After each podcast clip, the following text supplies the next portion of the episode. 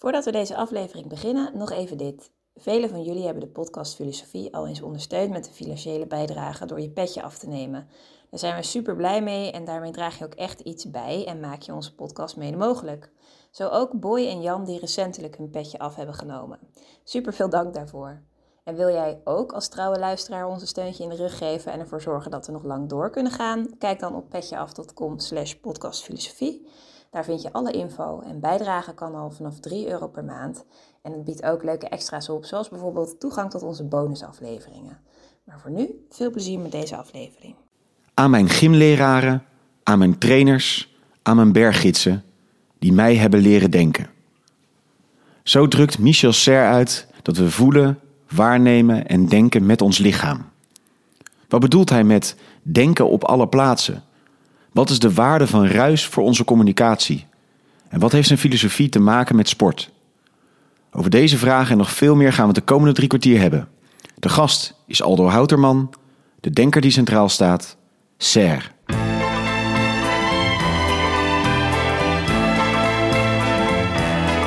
Vers les où le poids et l'ennui me le dos. Dag, goed dat je weer luistert naar een nieuwe aflevering van de podcast Filosofie van het Centre Erasme, School voor Filosofie in Zuid-Frankrijk, Vlaanderen en Nederland. Mijn naam is Allard Amelink. Het concept van deze podcast is zoals altijd simpel. Er is een hoofdgast, er is een presentator en er is een sidekick. En in ongeveer 45 minuten duiken we in het denken van één filosoof. Vandaag zit naast mij Letitia Hoebe. Hoi Allard. Ja, en eh, superleuk. Ik heb geluk. Ik mag eh, gelijk iets eh, gaan weggeven. We hebben namelijk deze week een, een winactie. En je kan het boek vinden van onze gast van vandaag, Aldo Houterman. Het boek heet Wij zijn ons lichaam. Nou, het komt vast nog langs vandaag.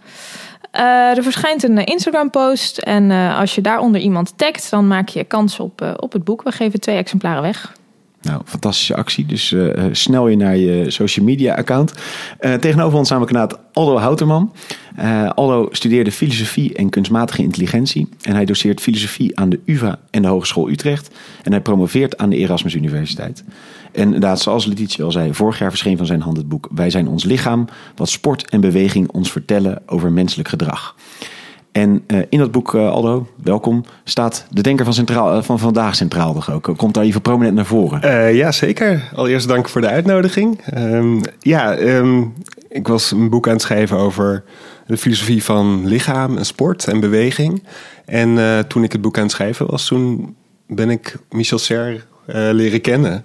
En eh, dat was eigenlijk zo'n grote inspiratiebron dat ik hem ook maar gelijk eh, eh, een prominente rol eh, heb laten spelen in mijn boek. En ook eh, aan het begin heb genoemd eh, van dit is eh, een heel goede manier om eh, ja, iets te vertellen over de, het filosofische belang van het lichaam en, eh, en sport en beweging. Leuk. Ja, Michel Serre inderdaad. Hij werd geboren in 1930 en hij overleed eh, afgelopen juni. En eh, interessant, hij was een aantal jaren marineofficier. Hij deed zelf, als we het over sport hebben, aan rugby en, en hij was een bergbeklimmer. Ja. En dat allemaal voordat hij promoveerde op het werk van Leibniz. Ja. En vervolgens werkte hij onder meer als hoogleraar geschiedenis van de wetenschap aan de Sorbonne en aan Stanford. En in zijn denken eh, komen we dan die exacte wetenschappen na tegen, maar ook literatuur, sprookjes, schilderkunst, muziek. Zeker. Dus zeer breed. En ehm, Aldo, kun je zeggen dat dat ook illustratief is voor zijn filosofie, die breedte? Ja, absoluut. Het is iemand die ook wel zelf heeft gezegd: ik ben geen specialist, maar een generalist. Dus hij probeert eigenlijk. ehm, ja, wat hij doet is eigenlijk heel veel dingen probeert hij aan elkaar te knopen. En daar komt dat idee van het netwerk naar voren. Ehm, en ehm, ja, dat doet hij is zeg maar.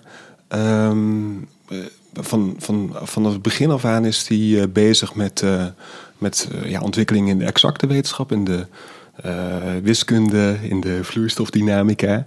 En dan schrijft hij ook al: er is geen eh, grotere mythe dan een wetenschap zonder mythe.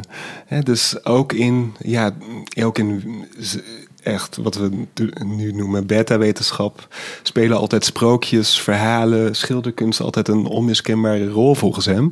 En ehm, ehm, dus dat is heel belangrijk om te kijken van hoe ontwikkelt het denken zich. Ehm, ja, welke beelden hebben we van van het lichaam bijvoorbeeld, of welke beelden hebben we van de wereld. En ehm, ja, in welke domeinen komen die beelden naar voren?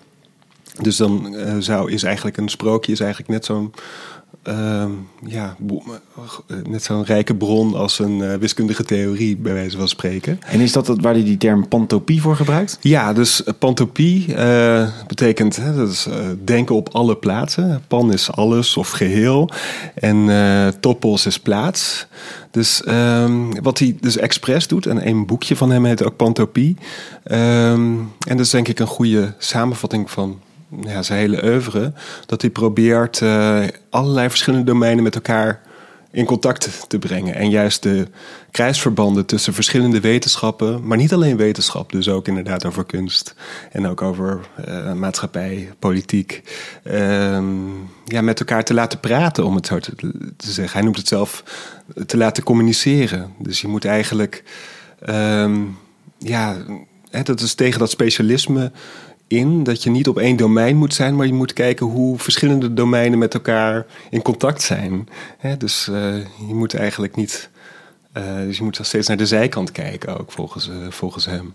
En ehm, ja, dat is echt, echt heel belangrijk. En daarmee zet hij zich echt af tegen die ja, specialistische trend die je ook, denk ik, in de filosofie misschien hebt. En bijvoorbeeld misschien in de analytische filosofie. Uh, maar ook in de wetenschap, waarin ook, denk ik, een toenemende superspecialisatie is. En een mooie tegenhanger daarvan is uh, zo'n zo pantopisch denker. Dat je zegt van ja, nee, als filosoof heb je ook de taak om iets over het geheel te zeggen. Over wat gebeurt er met de wereld vandaag de dag. En wat is er anders dan met de geschiedenis bijvoorbeeld. En hoe brengen de wetenschappen die wereld in kaart. Dus dat is heel belangrijk. En ik denk dat misschien is het wel vergelijkbaar. Mensen kennen wel, denk ik, Yuval Harari van Homo Deus en zo.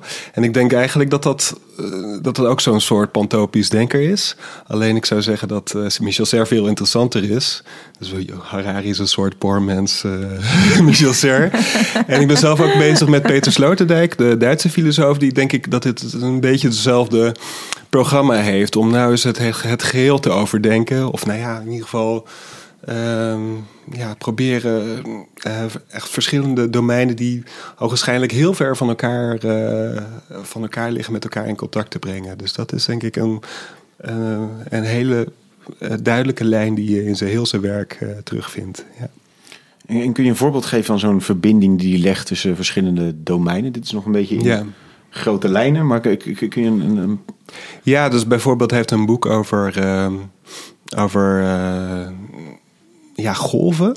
En over um, ja, hoe, hoe kunnen we. Um, de, de, sport of uh, ja, Nee, echt watergolven. watergolven. Dus, uh, en hittegolven en stromen. Oh, ja. dus dat, heet, dat gaat over uh, Lucretius, dat is de Romeinse denker. En die heeft een. ja, dat is eigenlijk die. die uh, noteert in een gedicht eigenlijk een van de structurele eerste atoomtheorie. Dus dat is al opvallend. Het is een, een uh, ja, wat we nu zou zeggen, dat is een natuurkundige theorie, maar dat staat dan in een gedicht. Dus dat is al een interessante combinatie. Dan is uh, Serre al heel scherp dan, om te zeggen van oké, die twee dingen liggen dus blijkbaar niet zo ver van elkaar vandaan. Een andere voorbeeld dat hij heeft is bijvoorbeeld, en dat werk ik ook in mijn boek, Wij zijn ons lichaam uit, is dat um, bijvoorbeeld de Anatomische Atlas van Vesalius in 1543, wat over het algemeen wordt beschouwd als een, um, ja, zeg maar het begin van de geneeskunde of van de medische wetenschap. Um, dat het eigenlijk ondenkbaar is zonder um, ja, de renaissancekunst in die tijd. Hè? Dus het uh, lichaam wordt in beeld gebracht. Hè? Het, het wordt, uh, krijgt een 3D-perspectief op. Het wordt voor de. Ja, het is iets waar we door die tekeningen, zeg maar, hè, door, die, ehm, door die technieken die die renaissance-kunstenaars hadden. ja, werd werd het lichaam ook tot studieobject gemaakt. Hè? Dat is iets waar de artsen uit iets, iets van konden leren. En een ander voorbeeld is dat hij bijvoorbeeld uh, de thermodynamica, dus dat is in de eerste helft van de 19e eeuw, dus het, idee dat de wereld niet bestaat uit ja, zware objecten die bewegen van plaats tot plaats, maar bestaat uit hittegolven en stromen, zeg maar. Um, dat, dat die wetten werden geformuleerd. Hè, dus waar komt de stoommachine bijvoorbeeld vandaan. Ehm, die werden geformuleerd door, uh, door Watt en Carnot en zo.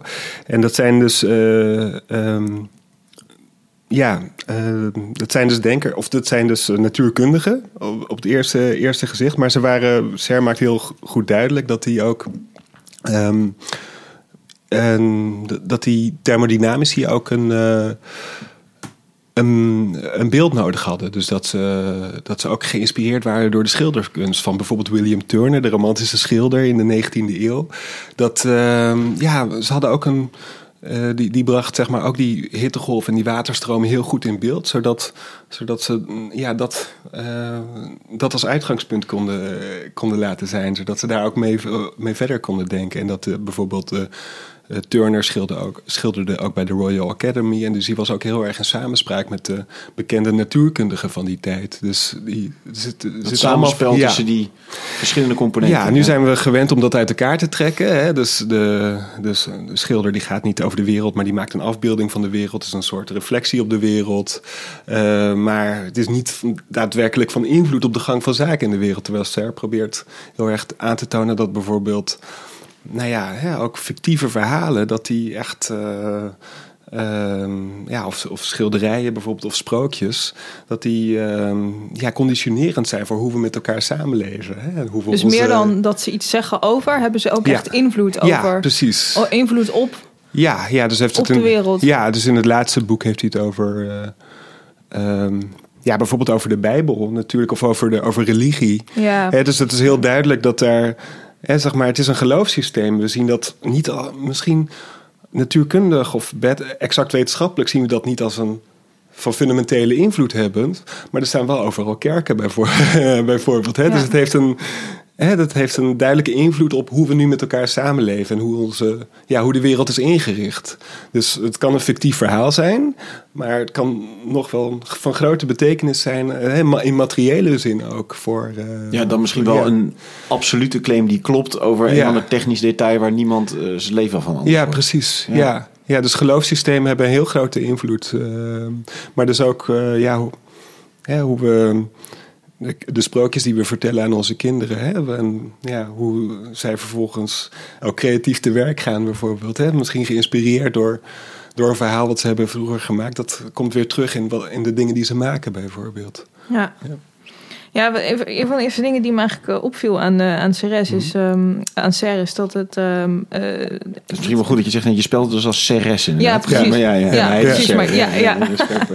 ja, hij heeft ontzettend veel geschreven. Echt een enorm oeuvre. Ja. Um, het is ontzettend omvattend ook wat hij probeert te doen. Ja. Uh, verschrikkelijk veel verschillende wetenschapsgebieden. Um, ja, ik, ik vroeg me eigenlijk af, waarom is hij eigenlijk niet, uh, niet, niet bekender? Uh, ja. Ja. ja, dat is echt een hele goede vraag. En die, die, uh, daarom zit ik denk ik ook hier. Om dan ja. te, te, zeggen van, nou gaan, hij zou veel bekender moeten zijn dan bijvoorbeeld zijn collega's. Net zoals Foucault en Deleuze. Dus de Franse filosofen uit dezelfde generatie stamt die. En Latour misschien uh, Latour denk ik, ja. En uh, dus, je hebt een, Latour heeft altijd erkend dat er een hele grote invloed is van, op, zijn, op zijn, zijn denken. Um, ja, het is, het is hem toch een beetje een vreemdkörper, zeg maar, denk ik. Dus het is iemand die. Um, zeker de, uit die generatie 68, van die me, mensen die ik net al heb opgenoemd, dat het niet een traditionele, ja, iemand die heel erg in de politiek zit of marxistisch, dit, wat, wat toen, toen nog wel, denk ik, heel belangrijk was. Het was iemand die zich bezig hield met vakwetenschappen, dus met wiskunde.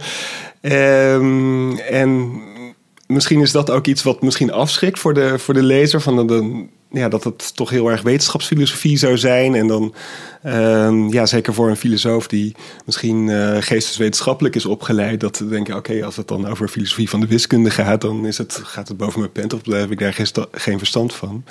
Uh, maar dat is, um, ja, dat is denk ik een misverstand. Want hij probeert dat juist heel erg duidelijk te maken waar ook die wiskunde vandaan komt. En dat we dat eigenlijk uh, helemaal geen specialistische kennis is, maar dat we dat iets is wat we allemaal wel eigenlijk wel kunnen begrijpen. Maar het is net welke ingang je daar, daartoe hebt gehad. Hè? Dus ook via sprookjes bijvoorbeeld kunnen we een wiskundig eh, probleem begrijpen. We hebben het in Plato al, waarin uh, de stelling van Pythagoras uh, um, wordt opgelost door, door een slaaf. Hè? Dus, ehm, waar, waar, die, waar die wordt uitgelegd ook. Um, dus er zijn, ja, dus ik denk dat, het, dat het Um, ja, dat dat hem misschien in zekere zin uh, afschrikwekkend maakt of zo. Zeg maar. Ja. maar in Frankrijk was hij wel vrij bekend, toch? En ja. ook wel een graag geziene gast op televisieprogramma's. Ja, precies. Ja, dus zeker in zijn laatste jaren. Dus ik denk dat hij zeker sinds 2000 heeft hij ook heel veel boekjes geschreven. Dat was vrij, vrij dunne boekjes. Die zijn denk ik voor de beginnend lezer heel, heel goed te begrijpen. Bijvoorbeeld over onderwijs, over de financiële crisis en over het milieuproblematiek. Um, ja, wat heel veel plaatjes. Uh, ja, er staan, ja, dus hij heeft ook uh, boeken met veel plaatjes. Dus die eruit zien als museum, museumcatalogie.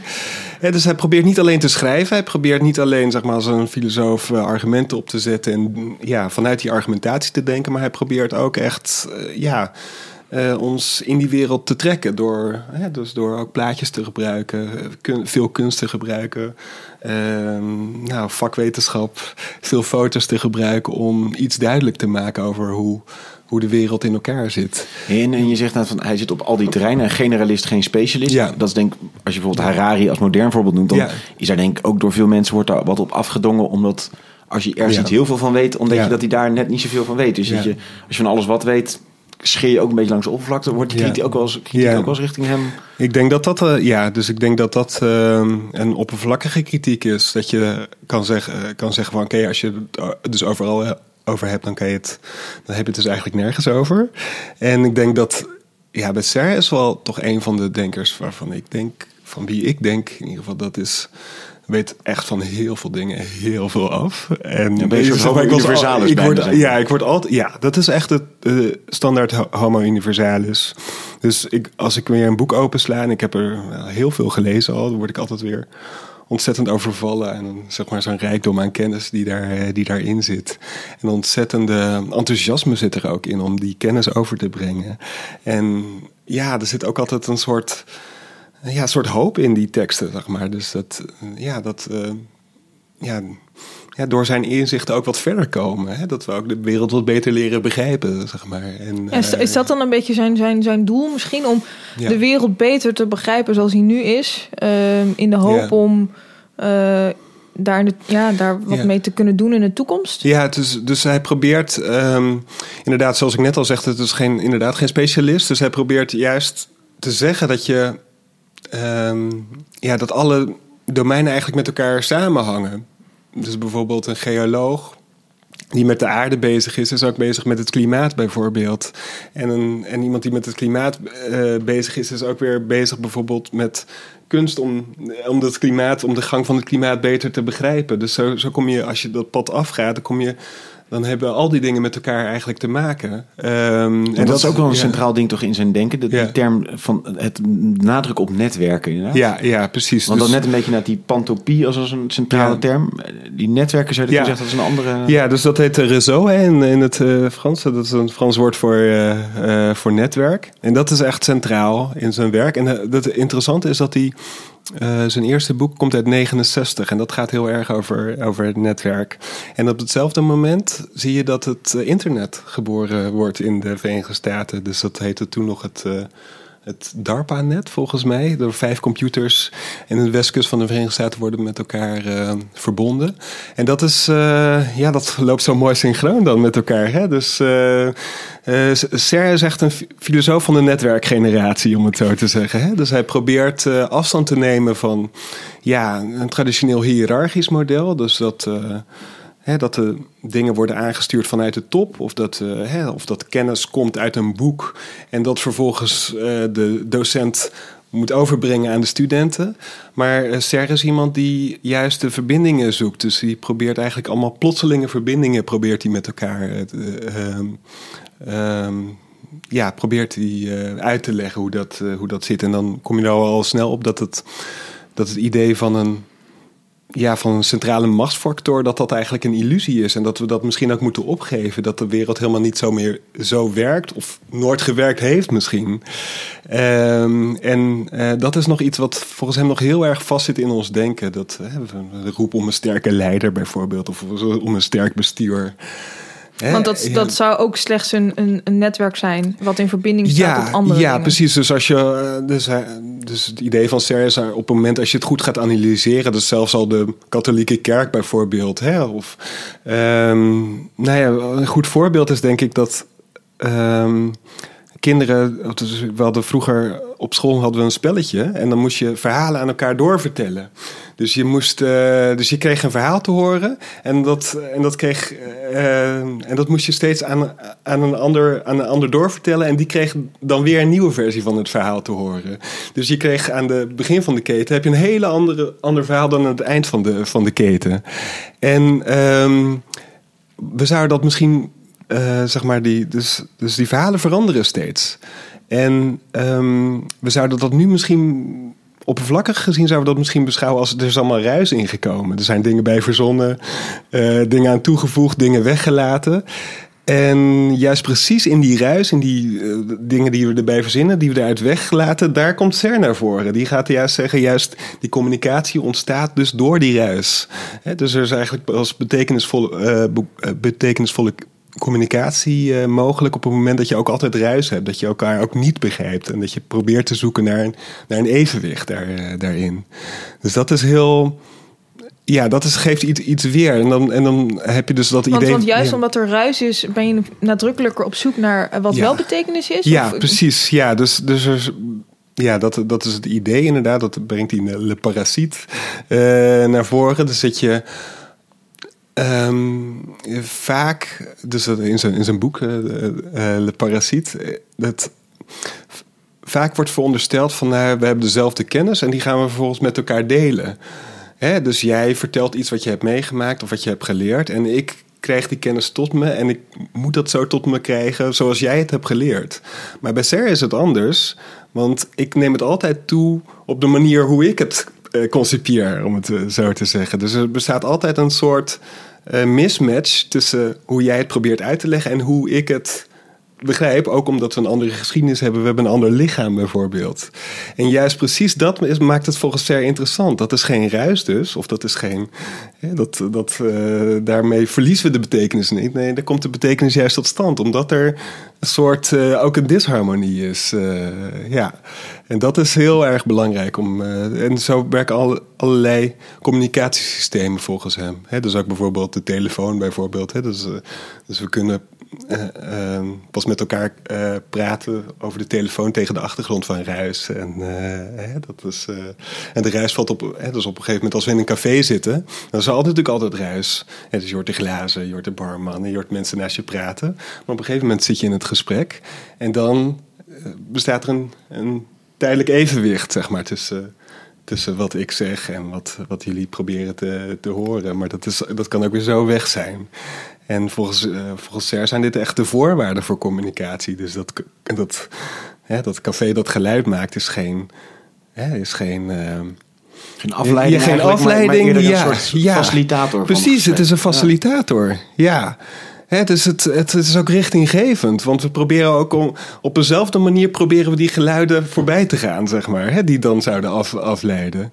Dus het is eh, heel concreet wat dat betreft. Dus dus het is heel erg ja, gesitueerd, zeg maar, hoe die kennis zich ja, ehm, van de ene naar de ander, van ja, hoe die kennis gecommuniceerd wordt. En je zegt net al even, die lichamelijkheid is natuurlijk een, een belangrijke factor. Vandaar Ja. ook dat die bij die sport zo relevant is. Hoe komt lichamelijkheid dan in het geheel voorbij? Ik snap dat het... Ja. We hebben net eigenlijk gehoord, het is de verbinding tussen al die thema's. Het is denken op alle plaatsen. Dus denken zit niet alleen in je hoofd. Dus daar kan ik me al voorstellen. Het is niet alleen een cognitief proces. Ja. Komt daar die lichamelijkheid inderdaad in beeld? Ja, heel erg. Dus eh, ook met dat netwerkidee al. Dan, ehm, dus bij SER is niet... dus dit netwerken... SER probeert alles voor te stellen als netwerken. Dus bijvoorbeeld een stad. Het internet is een netwerk, maar ook het lichaam is een netwerk. Dus eh, vaak wordt nog wel gezegd... oké, het brein dat is een soort netwerk... Van, van met elkaar communicerende eh, neuronen. Maar SER's idee is... waarom zou dat ophouden bij het brein? Hè? Dus eh, ook ehm, een brein wordt vaak voorgesteld als iets wat in het hoofd zit. Maar we hebben ook hè, eh, zenuwcellen door het hele lichaam heen. Die communiceren weer met de huid bijvoorbeeld, met de spieren die we hebben, de or- organen en de botten. Dus het is, het is niet één centraal punt dat ons lichaam organiseert. Dat is echt, zeg maar, dat kennen we uit de filosofie. Hè? Dus Plato die dacht dat kennis in het hoofd zat. Wij zijn ons brein. eh, Ja, de, de- Descartes zegt ook zoiets. Hè? Dus het lichaam wordt gewoon als een poppenspeler aangestuurd vanuit het hoofd.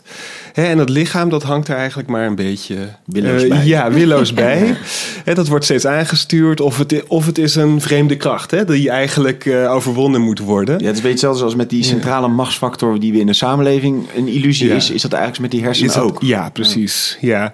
Dus, en dat zie je nog in de Wij zijn ons brein idee, dat het nog heel erg zo'n erfenis is vanuit de filosofie ook, waarin een geest of een ziel eh, heerst boven het lichaam, zeg maar. Dus, dus men probeert in die hersenwetenschap afscheid te nemen van, filosofische, van de filosofische traditie, maar je ziet juist dat er heel veel ideeën er, er heel erg duidelijk in zitten. En daar Eigenlijk probeer juist ik een bewijs voor het verhaal van Ser dat Ja. die dingen stiekem toch verweven zijn ook. Ja, ja precies. Dus SER is. ehm,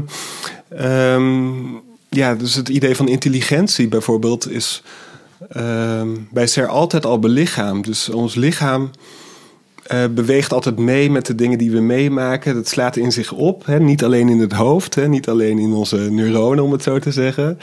Of in de hippocampus bijvoorbeeld, een eh, speciaal hersengebied daarvoor. Maar ons hele lichaam draagt mee wat we mee, meemaken. En het lichaam anticipeert ook op wat we weer in de toekomst gaan, eh, gaan meemaken. Dus, eh, dus een tennisser eh, kijkt al naar waar hij de bal naartoe zou kunnen spelen, bijvoorbeeld.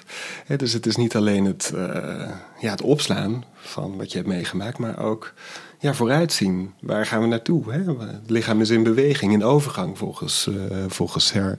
En, dat, en die metafoor, of tenminste metafoor, dat, eh, die nadruk op het lichaam legt dat volgens mij veel beter uit om de mens te begrijpen dan, dan het weer het lichaam eh, ondergeschikt te maken aan iets anders, aan het brein of aan de geest bijvoorbeeld. En eh, dan zie je ook dat het lichaam ook. Ja, het lichaam is ook in verandering, is ook in transitie. En we gaan aan het lichaam sleutelen. En het lichaam, hè, doordat we bijvoorbeeld eh, ehm, telefoons en laptops en zo gebruiken, dan doen, zijn we ehm, zijn functies die we eerst aan het lichaam toebedeeld he- hebben. Dus bijvoorbeeld het geheugen. Ehm, die, zit, die zit nu in onze broekzak bijvoorbeeld. Hè? Dus we zijn het lichaam anders gaan gebruiken. Het lichaam heeft een andere rol gekregen. En daar moeten we dus goed over nadenken volgens, eh volgens Ser. Ja, want dat, dat is, eh, eh, is een soort derde lijn in zijn denken. Dat het Ja. pensée c'est anticiper. Ja. Dat is ook een beetje dit eigenlijk Ja. dus. Van, we zijn Ja. continu in verandering en we moeten daar gewoon gaandeweg op afstemmen of zo. Ja, dus, dus pensée c'est, eh, c'est anticiper, dat is, hè, is anticiperen. En dat zegt ook wat, ja, waar we het net over hadden eh, gehad over het lichaam. Dus het lichaam verwerkt niet alleen stimuli, maar het is ook, het anticipeert ook op wat er gaat gebeuren. En mag ik, sorry, ik wil Ja. nog even, want je gebruikte net die metafoor over, dat, eh, over, Ja. dat- over die tennisser. Ja, Ehm, dat is natuurlijk dan een sportsituatie met, met Ja. bepaalde regels. Zou je ook die metafoor, zou je die naar, ja, naar een an- analogie kunnen maken naar een, Ja. een, concrete dagelijkse situatie buiten, eh, buiten een sport, zeg maar? ja. Gewoon eh, ter eh, verduidelijking. Ja, ehm, nou bij Ser bijvoorbeeld, ik zal om even dicht bij Ser te, ja, eh, om even dicht bij Ser te blijven. Hij probeert heel erg ehm, en stil te staan in meer van zijn boeken over, ja, wat is eigenlijk de toekomst van het lichaam? Hè, dus waar gaat het lichaam naartoe? Dus we, we anticiperen al op, bijvoorbeeld door ik veel, door eh, Trump te stemmen, bijvoorbeeld. Hè? Dat is niet alleen waar we nu staan, maar we, het geeft ook ons een beeld van waar we naartoe gaan. Ehm, welk onder, ja, wat voor werk we doen bijvoorbeeld. Hè? Wel- Welk onderwijs we volgen. Dat gaat niet alleen over wat we nu willen, maar het, het geeft ook een inzicht in ehm, ja, wat we verwachten dat er gaat gebeuren. Dus ons lichaam is altijd constant, continu aan het anticiperen. En dat is volgens Ser denk ik heel belangrijk. De, om te zien dat juist daar ook het creatief vermogen van het lichaam, eh, of van onszelf. En, Maar, van het en, lichaam en waarom is dat dan, dan het lichaam? Want misschien is dat Ja. dan ook een beetje... Ja. te- Ja. Ja. waarom is dat dan lichaam? Want Want, in sport- stemmen ik-. Cognitief. Dat zou in principe nog steeds dat beeld kunnen zijn van... hersenen die je aansturen om dan Precies. dat rode vakje, Ja. te, vakje rood te maken. Maar Ja, want Ja. bij tennis is het natuurlijk voor de hand dat het om een lichaam gaat. Maar eh, inderdaad, als het gaat om stemmen of eh, iets anders. Maar daar is, ja, Ja, ja dus dat is. Kijk, ehm, het. mm, dus bij, bij is het idee dat we denken met ons hele lichaam. ja Dus, precies. dus dat is. Dus ons hoofd. Hè, dus ons lichaam doet niet naar wat wij denken, maar ons hoofd doet naar wat ons lichaam doet. Dat, is het, dat is de omkering die die, eh, die die maakt. Dus zeg maar, wat, er afspeelt, wat er zich afspeelt in ons brein, dat is natuurlijk belangrijk voor ons denken en voor, voor, ons, voor de plannen die we, die we maken. Eh, maar om dat te begrijpen, kunnen we ook naar het lichaam zelf kijken. Dat ook al die connecties al heeft. Dat ook in contact staat met de omgeving en anticipeert op, op de omgeving. Ehm, dus ja, bijvoorbeeld als je een nieuwsgesprek hebt, bijvoorbeeld. Dat is niet alleen wat je cognitief eh, verwerkt, maar je gaat er al van trillen, bijvoorbeeld. Of je gaat ervan zweten. Het is niet iets wat je alleen met je hoofd gebeurt, maar wat met je hele lichaam eigenlijk, eh, eig- eigenlijk gebeurt. En we denken altijd van, nou ja, oh nee, dat gebeurt met het hoofd. En dat, ja, Het lichaam dat lichaam dat hangt, er, hangt erbij. En, en daar zo. uit het zich alleen. Ja, ja. Ja, ik zou geneigd Ja. zijn om te zeggen, inderdaad, door een bepaalde, door iets wat je, wat je bevat of door een bepaalde gedachte ga je Ja. handen trillen. Omdat, Ja. je, omdat, je, ja, omdat je daar ook een emotie aan koppelt. Of Ja. zo, ik weet het niet precies, maar ja. eh, ja. Ja, dus, dus het punt van het, van het lichaam is dat, dat we zitten niet in ons hoofd. Hè, dat is wat Descartes dacht. Of dat, wat je met Plato ook nog heel erg eh eh, voor Nee, we, we zitten hè, zo... Hè, dus ik ben nu eh, bij jullie gezichten bijvoorbeeld. Ik ben, zit een beetje met de papieren hier, hier voor me. En het lichaam geeft mij die mogelijkheid ertoe. Dus ik kan er naar kijken, ik kan er naartoe bewegen. Hè, dus het is niet. ehm, dus ik ben eigenlijk overal volgens eh Ser. Dus ik beweeg me de hele tijd van plaats, eh, van plaats tot plaats. En dat is een heel concrete situatie. Al, als ik al zit bijvoorbeeld. Hè, en eigenlijk heel erg. nou ja, tot mijn hoofd wordt, wordt gereduceerd. Maar. Ehm, eh, zeker met sport laat het heel mooi zien dat, dat we ook denken met het hele lichaam. En dat ehm, bijvoorbeeld. Ja, dat er ook heel veel creatieve oplossingen ook zitten die we van tevoren nooit hebben, hadden kunnen bedenken. Dat is bijvoorbeeld zo'n zo'n breedtepaas eh in een voetbalwedstrijd. Dus dat, eh, je kan er wel op trainen, maar het is altijd weer, die situatie is altijd weer anders. En, en nu zie je weer een nieuw gat waar die, waar die bal naartoe moet. Dus het, is ook, het heeft ook te maken met, met tempo's, denk ik. Hè? Dus met verschillende. Dus dat lichaam eh, leert ons ook dat we soms heel erg snel moeten denken. Eh, hè, snel moeten anticiperen. En soms juist heel erg traag, zeg maar. Terwijl we met het hoofd zijn we nog wel bezig. Nou, dan gaan we het gewoon uitwerken. En dan ga ik de argumenten op een rijtje zetten. En eh, nou, dat, dat is ook een activiteit die we doen. Eh, maar dat is niet het enige wat, wat iets, ons iets vertelt over ons nadenken. Maar ik denk dat we heel vaak daar dan het woord intuïtief voor gebruiken. Lijkt Ja. het daarop of is het Ja, toch ook iets anders dan dat? Ja, ja, alleen intuïtief, hè, dat wordt dan ook vaak nog cognitief uitgelegd. Dus dat die intuïtie toch in het brein zou zitten, bijvoorbeeld. Of dat het het onderbewuste is, wat dan ook nog ergens eh, zo in het hoofd eh, zit. En, en eh, bij SER is het gewoon de hele intuïtie, is ons lichaam. Hè, dus, dat is die, dus het is verspreid over het hele lichaam. Hè. Dus op het moment dat we iets vaak doen, dan verandert ons hele lichaam daarna. daarna. Dat weten bijvoorbeeld sporters en fysiotherapeuten heel goed uit te leggen. Dat niet alleen in het brein dingen veranderen, maar in het lichaam verander, verandert ook. En, ehm, Kan, kan je daar een voorbeeld van geven? Of is dat moeilijk? ja, dus bijvoorbeeld als je. ehm, ja, ik hoorde. Nou, ik, heb, ik heb iemand gesproken die, die, die veel, hard, eh, veel aan het hardlopen was. En die ging op blote voeten hardlopen. Omdat hij dacht van nou, dat is beter voor. eh, evolutionair is, is het ook beter dan dat ik op, op eh, van die Nike's loop. Met, eh, eh, die die veringen. speciaal, ja, met van die veringen die, die ons worden aangepraat. Dat was zijn idee dan. Van, ehm, en dat onze voeten eigenlijk worden dom gemaakt. Hè, dus die worden in, Oh, ja. eh, strak getrokken, eh, ingebonden. Hè, en het voet is er eigenlijk alleen maar ter ondersteuning. Om dat, ja, om dat hoofd eh, van plaats naar plaats te, be- eh, bedenken. Maar van oudsher zie je eigenlijk dat, dat, dat die voet eigenlijk al heel slim is. Hè? Dus bijvoorbeeld bij apen is het verschil tussen hand en voet veel kleiner.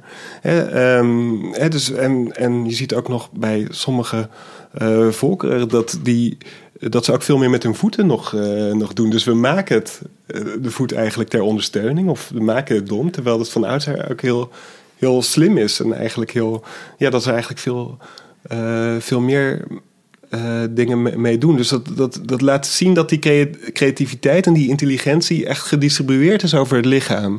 Dus dat we eigenlijk ook veel meer dingen doen met het lichaam. Het is bijvoorbeeld een iPhone bijvoorbeeld is al afgericht of dat is ontworpen voor onze duimen, zeg maar, zodat, we, zodat het een symbiose vormt met onze duimen, zeg maar. Wij denken van ja, het is gewoon een object. Maar, En ik weet hoe ik het moet bedienen, maar dat is dus eigenlijk niet. Het is, Ja, je, je, je, je lichaam weet eigenlijk hoe je Ja, het moet bedienen. precies. Het is niet een- Ja. ja. Ja, en ook met die. Ja, dus die, wat Ser ook in een boek zegt over, over die, de, ge- de internetgeneratie, hè, is dat die. ehm, ehm, door die iPhone te gebruiken, dan worden eigenlijk onze duimen worden weer slimmer, zeg maar. De, hè, dus dat vroeger waar we, hè, dat heeft hij ook weer uit de weefkunst. Hè, dat, dat- vroeger gingen we ermee weven en, op een gegeven moment in de, tijdens de industriële revolutie dat had je spierkracht nodig, bijvoorbeeld, hè, om ehm, om zware eh, metalen platen te sjouwen of die eh, in de ovens eh, te brengen.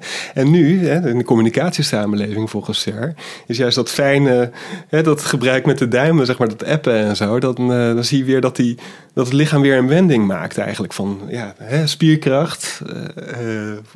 om- iets te produceren naar, nou, laten we zeggen, duimkracht om iets te communiceren, zeg maar. Dus het is helemaal... Ik vind het onbe- wel... ja. Ik vind het wel grappig. Het is een hele positieve benadering, vind ik Ja, het eigenlijk. ja.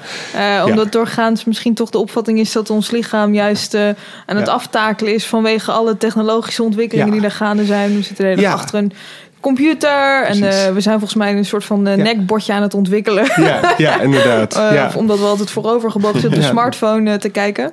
ja. Ja. Dus Ser is wel. Dus je hebt natuurlijk een hele sterke nadruk op het lichaam. Dus hij wijst wel echt, zeg maar, dat die intelligentie. Dat je ook dus bijvoorbeeld door bergbeklimmen bijvoorbeeld. Of door, inderdaad, hij is zeevaarder geweest. Hè, dat zegt dan natuurlijk ook iets over ja, hoe je lichaam omgaat met die, met die continue schommelingen bijvoorbeeld. Hè. Ehm, dus dat is wel iets wat heel erg terugkomt. En wat we misschien dreigen te vergeten. Zeg maar, hoe belangrijk ook het lichaam is. Aan de andere kant ziet hij ook weer heel veel, erg veel de mogelijkheden. Juist ook in soort die communicatietechnologie. Zoals die iPhones die we continu gebruiken. Dat daar juist ook misschien weer een soort heractivatie van het lichaam in zit. En eh, eh, we hebben nu al een paar keer gehoord dat van, nou, het, is, het is niet Plato, het is niet de Descartes eh, Ja. van- wie dit vandaan had. Daar zitten zich eigenlijk juist tegen af. Ja. Zijn er denkers waar hij wel erg zijn denken op gebaseerd heeft of die hem dit al voor zijn gegaan? Ehm, ja, dus, dus hij is gepromoveerd op Leibniz. En daar heeft hij dat idee in van, uit van, eh, van het netwerk. En dat komt uit, dus dat netwerk, dat denken we nu van, nou, oké, dat zijn punten die een beetje op een abstracte manier met elkaar verbonden zijn. Maar dat komt uit, eigenlijk uit de weefkunst, uit de borduurkunst. En dat, daar gaat zijn boek over. Het lichaam gaat daar ook over. Hè? Dat het lichaam ook een soort weefsel is. Hè? Dat de huid zit heel veel. eh, eh, ja, dat, ehm, Alleen het woord weefsel. ja, ja, ja, Ja. weefsel, eh, tapijt komt, eh, komt vaak naar voren. En dan wordt al duidelijk zeg maar, dat er niet één centraal punt is, maar dat het gaat om hoe, ding, hoe de dingen met elkaar verweven zijn. Hè, dus dat is, eh, en je moet die lijnen proberen te volgen. En dan kom je, ja, dan kom je, eh, hè, dus dan, dan volg je het hele, hele weefsel, om het zo, En eh, dat zo dus bij Leibniz vandaan. Ja, ja, en dus bij, eh, bij Descartes heb je alles is lichaam of het is geest. En bij Spinoza heb je alles is één, hè, alles is deus eh, sive natura. En bij Leibniz is alles is veel. Dus ja, er is veel eerder een veelheid, zeg maar. En moeten kijken, dus je kan ook niet, zeg maar, met één model kan je alles verklaren. Dat is ook niet wat Ser wil.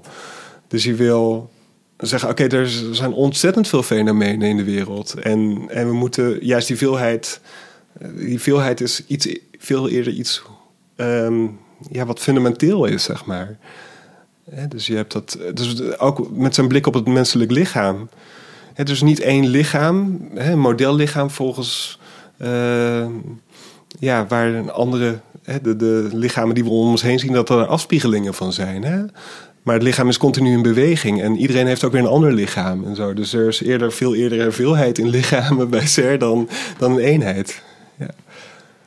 En wat zijn nog andere inspiratiebronnen? Want je noemt naar Ja. Leibniz. Ja, Simone Weil, dus eh, eh, de Franse, eh, Franse filosoof. de- ja, zij heeft ehm, ja, wat je bijvoorbeeld in Ser heel erg terugziet en niet in een Harari, is die echt die concrete lichamelijke ervaring, zeg maar. Wat dat betekent voor ons bestaan. Dat, dat niet iets is wat alleen maar subjectief aan de objectieve gang van zaken wordt vastgeplakt. Maar dat het fundamenteel richtinggevend is van hoe we iets ervaren, hoe we uh, beleven, hoe we verder gaan. Zeg maar. Dus het, is, niet, uh, het is ook niet zozeer dat je um, uh, zeg maar naar buiten gaat en dingen gaat meemaken, maar. Ja. Uh, ook dat het gewoon of constitutief ja, is. Ja, precies. Ja. dus um, als ik, ja, dat heb ik. Dus als je gaat hardlopen bijvoorbeeld, dan denk je, nou, ik ga dat doen. Maar je, je hebt op het moment dat je bedenkt, ik ga hardlopen, heb je een heel ander bewustzijn, bijvoorbeeld, dan dat je dat je aan het lopen bent, want dan, is het, dan zijn die passen niet moeilijk meer. Dan is het leuk om te dan zit je in een ritme. Dus je krijgt een heel andere uh, ja, ervaring. Maar ervaring is nog te zwak uitgedrukt, want het is. Uh, ja, je lichaam verhoudt zich op dat moment zo tot, tot de wereld, zeg maar. Dus, dat, dus die, bij Ser zegt, zou zeggen, er komt een andere muziek, muziek komt tot stand. En die, uh, die uh, dus de ritme van de passen, maar ook de geluiden die je hoort. En daar probeer je op mee te wegen. En dat is niet iets wat je van tevoren had kunnen bedenken. En, dat, um, en dat, dat heeft hij, daardoor heeft, daarvoor heeft hij zich laten inspireren, dus door wel. Ja, ja, door de, ja. ja. dus door die directe lichamelijke ervaring die zij heel erg uh, beschrijft. En wat bij Vij ook heel erg is, dat ze, zij wilde uh, bijvoorbeeld, hè, ze was nogal marxistisch, uh, sterk marxistisch. Dus zij wilde de situatie van de arbeiders zelf meemaken. Hè, dus door in die fabrieken te gaan werken. En dat is wat je ook echt heel erg ziet bij Ser, die dus marinier is geweest. Uh, nou ja, heel veel ook... Bergbeklimmer. Ja, bergbeklimmer, ja, ja, inderdaad. Probeert, hè, dus het is niet iemand die van uit de studeerkamer bedenkt van oh, sport is belangrijk of, of uh, het is belangrijk om het lichaam te, uh, te, uh, te begrijpen. Maar het is echt iemand die, die dat probeert ook zelf mee te maken. Hè? En dat is ook zijn kritiek op veel filosofen, die, zijn tijdgenoten, die ook, veel, die ook wel het lichaam op de kaart hebben staan, maar die toch een soort studeerkamerachtige benadering van het lichaam hebben, volgens Serre althans. En ik denk dat dat, dat, dat, heel, dat dat zijn werk heel erg mooi maakt. Heel begrijpelijk ook. Dat we ook denken van... Oh ja, dit is eigenlijk iets wat ik nog nooit in een filosofieboek tegenkomt. Hoe een glas wijn proeft bijvoorbeeld. Hè? Of, uh, of hoe het is om inderdaad te klauteren bijvoorbeeld. Of hoe het is om in continue deining van een schip te zitten. En dat we denken allemaal, dat is ruis. Dat uh, is niet iets nee, wat over nadenken gaat. Wat je ondertussen ja. denkt. Ja. Het gaat niet om ja, ja. dat staan daar. Ja, ja maar, maar ja, dus bij SER is dat natuurlijk altijd ja, pro proberen wat, wat gaat er dan, wat gebeurt er dan? Ja. Hè, wat, uh, hoe beweegt mijn lichaam mee met, met de omgeving? En uh, ja. Heet, heet tot slot, om de, om de koppeling naar, naar je boek te leggen, over uh, wat sport en beweging ons vertellen. Wij zijn ons ja. lichaam. Binnenkort begint het wielerseizoen weer. Kun je iets mm -hmm. vertellen vanuit SER waarvan je zegt, nou ja, als je dan zo'n wedstrijd kijkt, let eens hierop. Of, of hier zien we iets tastbaars terug van zijn, uh, zijn denken. Ja. ja, dus een peloton is een mooi voorbeeld. Van, uh, denk, Ser heeft het daar heeft niet echt over wielrennen volgens mij. Hij heeft een paar citaten oh, over je. Fransman is het. ja, ja, dat, nee, het is geen, niet een nadrukkelijke uh, wielenliefhebber. Maar hij heeft het wel veel over hittegolven, hitte, hè, dus uh, chaleur, warmte betekent dat. En um, uh, dat zien we ook terug, denk ik, in het wielerpeloton. Dus bijvoorbeeld als, je, als we kijken naar hoe, als we warmte willen begrijpen, dan bijvoorbeeld, we hebben hier een kachel en die, uh, um, die warmte die gaat naar boven. Vanuit de kachel gaat hij naar boven. En dan koelt hij weer af en dan gaat hij naar beneden. Dus die warmte, de, de, deeltjes die gaan naar boven en dan gaan ze weer naar beneden. En op een gegeven moment maken ze circulatie. Dus dan ontstaan er warmtegolven. De, ja, convectiepatronen uh, heet dat. En dat zie je ook wat, je, wat in het wielerpeloton gebeuren. Hè? Dus, uh, um, dus renners die komen vanuit de zijkanten komen ze naar, uh, naar voren op. En dan zijn ze opgeladen, zeg maar. En dan, dan kunnen ze even, uh, de knechten, zeg maar, kunnen even werken voor, voor hun kopmannen. En dan op een gegeven moment, ja, dan is hun energie weer, hebben ze niet genoeg energie meer. En dan laten ze zich terugzakken door het midden. Dus dan zie je eigenlijk in het wielerpeloton zie je ook convectiepatronen. zien dus ook, ook die, die hittegolven die... Um, dus super belangrijk zijn om, om menselijke samenwerking te begrijpen. Hè? Dus het is, uh, het is niet alleen wat opgaat voor uh, ja, materiële deeltjes, maar ook voor onszelf. Hè? Dus wij zijn ook zelf die warmte, warmtegolven, zeg maar, volgens haar. Ja. Dankjewel Aldo. Ik vond het zeer interessant van een, een denker die in Nederland, en misschien eigenlijk überhaupt internationaal niet zo bekend is, in Frankrijk wel een, een, een wat grotere bekendheid geniet. Um, Michel Serres, die eigenlijk een beetje op drie dingen erg de nadruk legt. Allereerst het, uh, het pantopisch denken of de pantopie, het denken op alle plaatsen. Dat kennis niet alleen eigenlijk in het hoofd zit, maar ook vanuit het lichaam kan komen. Niet alleen in cognitieve wetenschappelijke concepten zit, maar ook in kunst, in gedichten, in sprookjes, in, in religieuze concepten omdat die ook de werkelijkheid vormen. Uh, met het voorbeeld van uh, Jezus hoeft niet geleefd te hebben om wel allerlei kerken in de wereld te hebben. dus het is niet alleen dat um, wetenschappelijke kennis in die zin iets bewerkstelligt. Um, ten tweede dat al die dingen ook samenhangen. Dus um, uh, dat inderdaad een geoloog houdt zich ook tegelijkertijd met klimaat bezig. Dat zijn nog wel twee wetenschapsdomeinen. Maar ook hoe bijvoorbeeld inderdaad uh, kunst een invloed heeft op wetenschappelijke inzichten. Dat daarin dus de netwerken ook belangrijk zijn. Dat er verbindingen ontstaan. En door die netwerken ook het idee is van er is bijvoorbeeld niet echt centrale machtsfactor meer nodig in bijvoorbeeld politieke opzichten, omdat alles met elkaar verbonden is. Er is niet een soort piramide waarin het een het al het andere aanstuurt, maar alles hangt met elkaar daarin samen. Um, met als voorbeeld bijvoorbeeld het fluisterspelletje. Ja, we fluisteren eigenlijk het elkaar dingen toe. De ruis die daartussen zit is niet een afleiding van toch die piramide. Nee, dat, het is ergens hoe we met elkaar omgaan. Dat is hoe de netwerken in elkaar zitten. En um, eigenlijk een beetje de analogie daarvan, het lichaam ook, is het niet dat onze hersenen de rest even aansturen, maar ook dat is allemaal in één netwerk. Niet alleen die hersenen zijn een netwerk, maar alles is een netwerk op die manier. En uh, tot slot was een belangrijke derde lijn die we eigenlijk zagen in dat uh, pensées, uh, anticipé. Dat lichaam dat verhoudt zich ook niet alleen tot rationele concepten, maar anticipeert continu op wat er om hen heen gebeurt, wat er aan het lichaam gebeurt en wat er ook in de toekomst komt. Um, hij is daar zelf een beetje een belichaming van, zeiden we ook. Uh, je zei ja. voor de, dat we opnamen dat hij ook een twinkeling in zijn ogen heeft als hij op tv te zien is. Dus ja. zoek sowieso misschien wat op van hem op YouTube om um, daarin ook uh, eigenlijk na toch het homo, homo universalis wat die is, uh, ook een beetje belichaamt en ook daarin een hoop uitstraalt. Um, zeer veel dank daarvoor. Volgens mij zeer relevant. En je hebt ons denk ik ook een andere blik gegeven op dagelijkse actualiteiten. Dankjewel ook Letitia. Um, nu ik naar jij kijk, denk ik dat ja, vergeet de winactie niet. Like het bericht uh, op Instagram en tag er iemand onder die zeker ook deze podcast moet luisteren. Dan kun je een, het boek van Aldo winnen. Dank, Dank voor het uh, luisteren en uh, graag uh, tot een, de volgende aflevering. Emmenez-moi au bout de la terre, emmenez-moi au pays des merveilles. Il me semble